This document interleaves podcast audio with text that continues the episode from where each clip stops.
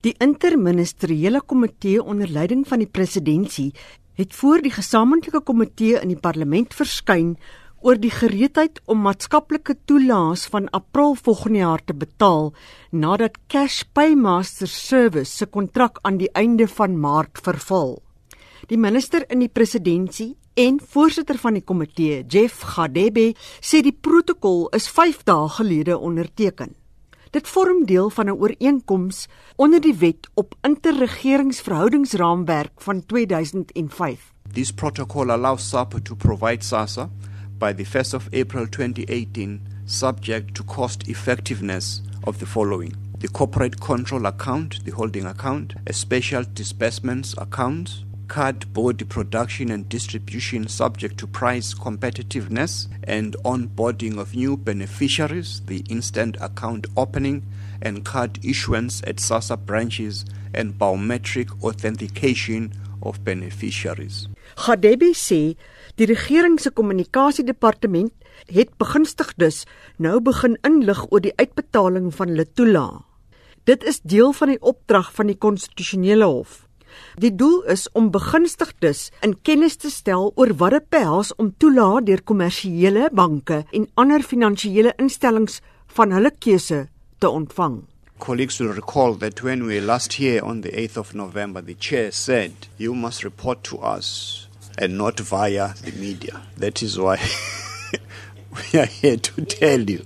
GCIS will be on the roll through community radio station, TV, and so on, directly to the beneficiaries to tell them precisely what is going to happen. Gadebe het bygevoeg dat die regering nog regshulp inwin oor om te appeleer op 'n onlangse Hooggeregshof uitspraak dat sommige diensverskaffers kan voortgaan om aftrekkings van begunstigdes se rekenings te maak sonder die toestemming van die minister van maatskaplike ontwikkeling.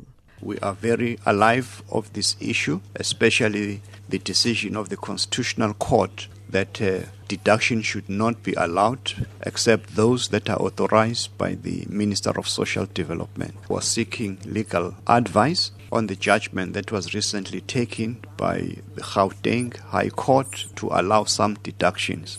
So we are finalizing that opinion whether we appeal to the Supreme Court of Appeal or direct to the Constitutional Court. Die voorsitter van die gesamentlike komitee, Themba Godi, sê maandelikse verslae is nodig om SASSA en die poskantoor se gereedheid vir die uitbetaling van toelaat te verseker. Godi hoop om die interministeriële komitee oor 2 maande in Januarie 2018 terug in die parlement te kry. So that we don't rely on what goes to the media because a lot of the technical stuff will have been sorted out and would have started to implement some of these just to check in relation to what has been planned and what has been implemented and how we see the road ahead towards the 1st of April so that as parliament we also do not just sit and hope that things are going to go. We could get feedback. Die volgende vergadering tussen die parlement, SASSA en die interministeriële komitee is na verwagting in Januarie. Die konstitusionele hof het ook beslis dat die vordering van die regering se kommunikasieplan maandeliks voorgelê moet word.